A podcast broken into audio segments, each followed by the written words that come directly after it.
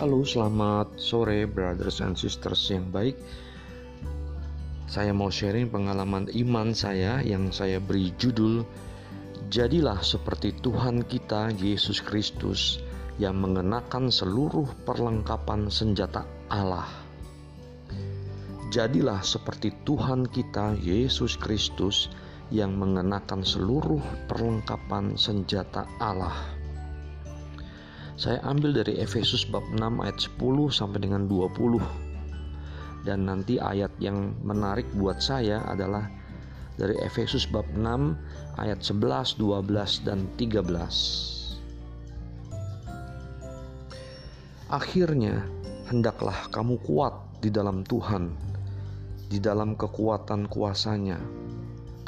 Kenakanlah seluruh perlengkapan senjata Allah, supaya kamu dapat bertahan melawan tipu muslihat iblis karena perjuangan kita bukanlah melawan darah dan daging, tetapi melawan pemerintah-pemerintah, melawan penguasa-penguasa, melawan penghulu-penghulu dunia yang gelap ini, melawan roh-roh jahat di udara. Sebab itu, ambillah seluruh perlengkapan senjata Allah, supaya kamu dapat mengadakan perlawanan pada hari yang jahat itu. Dan tetap berdiri sesudah kamu menyelesaikan segala sesuatu. Jadi, berdirilah tegap, berikat pinggangkan kebenaran, dan berbaju zirahkan keadilan. Kakimu berkasutkan kerelaan untuk memberitakan Injil damai sejahtera. Dalam segala keadaan, pergunakanlah perisai iman, sebab dengan perisai itu kamu akan dapat memadamkan semua panah api dari si jahat, dan terimalah ketopong keselamatan dan pedang roh, yaitu firman Allah dalam segala doa dan permohonan. Berdoalah setiap waktu di dalam roh dan berjaga-jagalah di dalam doamu itu dengan permohonan yang tak putus-putusnya untuk segala orang kudus.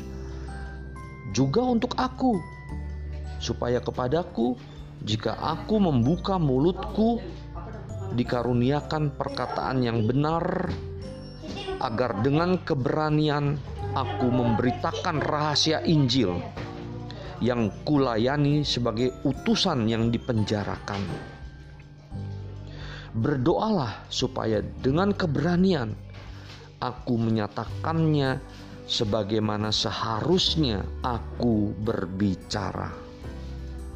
Demikianlah sabda Tuhan, syukur kepada Allah yang yang menarik hatiku ayat 11, 12, 13 ialah ini. Kenakanlah seluruh perlengkapan senjata Allah supaya kamu dapat bertahan melawan tipu muslihat iblis. Karena perjuangan kita bukanlah melawan darah dan daging, tetapi melawan pemerintah-pemerintah, melawan penguasa-penguasa, melawan penghulu-penghulu dunia yang gelap ini melawan roh-roh jahat di udara. Sebab itu, ambillah seluruh perlengkapan senjata Allah, supaya kamu dapat mengadakan perlawanan pada hari yang jahat itu dan tetap berdiri sesudah kamu menyelesaikan segala sesuatu. Wah, luar biasa ya, brothers and sisters yang baik. Hari ini saya mengikuti Misa Kudus live streaming dari Paroki Minomarantani Yogyakarta.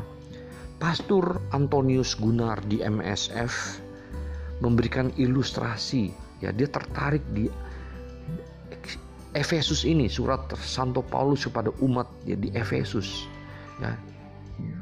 Di mana Santo Paulus itu sedang di penjara.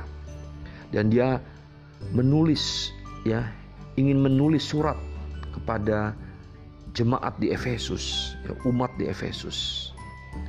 Dan dia terilhami oleh pemandangannya. Dia melihat ya dari penjara itu ke depan ada prajurit-prajurit Romawi yang berpakaian lengkap ya sebagai seorang prajurit. Ya. Wah, dia terinspirasi. Ya, bagaimana dia memakai ketopong, ya, helm itu. Bagaimana prajurit itu memakai perisai, ya memakai pedang, sepatu bootsnya, ya berikat pinggang kan, ya berbaju zirah kan, wah keren sekali. Dan dia uh, menganalogikan ya senjata Allah karena yang kita lawan ini adalah pemerintah-pemerintah, penguasa-penguasa dan penghulu-penghulu dunia yang gelap ini yang melawan roh-roh jahat di udara. Jadi itu roh-roh jahat di udara itu sangat dahsyat. Ya, sangat kekuatannya luar biasa, brothers, brothers and sisters. Ya, yang baik. Ya. Uh, tidak tidak tidak bisa dilawan dengan yang biasa-biasa, tetapi harus dilawan dengan seluruh senjata Allah, perlengkapan senjata Allah. Nah, bagaimana caranya uh, menggunakan senjata Allah ya?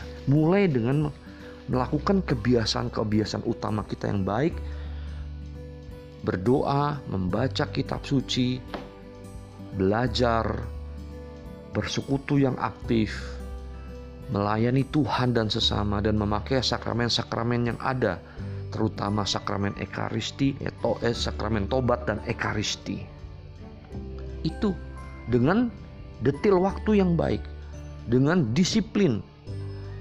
Ya, saya pun juga belajar ya. Dengan renungan saya ini saya pun juga belajar brothers and sisters. Dan saya berusaha berjuang untuk selalu disiplin ya, mendetil waktu dengan sebaik-baiknya. Karena anugerah Tuhan itu waktu kita yang sama buat semua orang. Tetapi apakah kita menggunakannya dengan sebaik-baiknya? Nah, caranya ialah menggunakan sebaik-baiknya waktu kita menjalankan prioritas utama kita, kebiasaan-kebiasaan utama kita yang baik dan itulah senjata Allah kita. Ya. Karena saya mengalami di dalam menghadapi tantangan hidup ini, Roh Kudus itu di dalam pikiran saya muncul kata-kata yang ditunjuk oleh Tuhan. Tetap semangat Willy. Jadi saya tetap semangat itu karena saya membaca kitab suci. Karena Tuhan tahu-tahu muncul sabda Tuhan di dalam hati saya. Nah, sama seperti ini. Gunakan senjata Allah. Ya. Untuk saya berlaku jujur, berlaku benar. Ya. Apalagi dalam berbisnis saya, saya melakukan hal yang benar. Karena apa? Karena ada sabda Tuhan yang ada di dalam hati saya. Dan saya ikut juga merasul, ya, mewartakan kabar baik, mengadakan household meeting ya, untuk teman-teman juga. Dan itu karena saya mendengarkan sabda Tuhan supaya saya memiliki sepatu ya kas uh, kaki yang memiliki sepatu kerelaan ya untuk mewartakan Injil damai sejahtera. Wah, luar biasa sekali.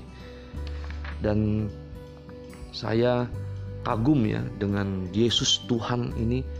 Kita dia contoh memiliki senjata Allah yang lengkap. Dia memakai senjata Allah yang lengkap.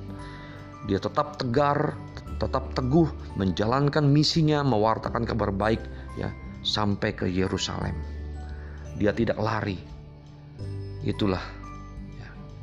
dia melindungi anak-anaknya. Sama seperti kita melindungi keluarga kita anak-anak kita Oke, okay, brothers and sisters, jadilah seperti Tuhan kita Yesus Kristus yang mengenakan seluruh perlengkapan senjata Allah. Bye dari Willy Wibianto.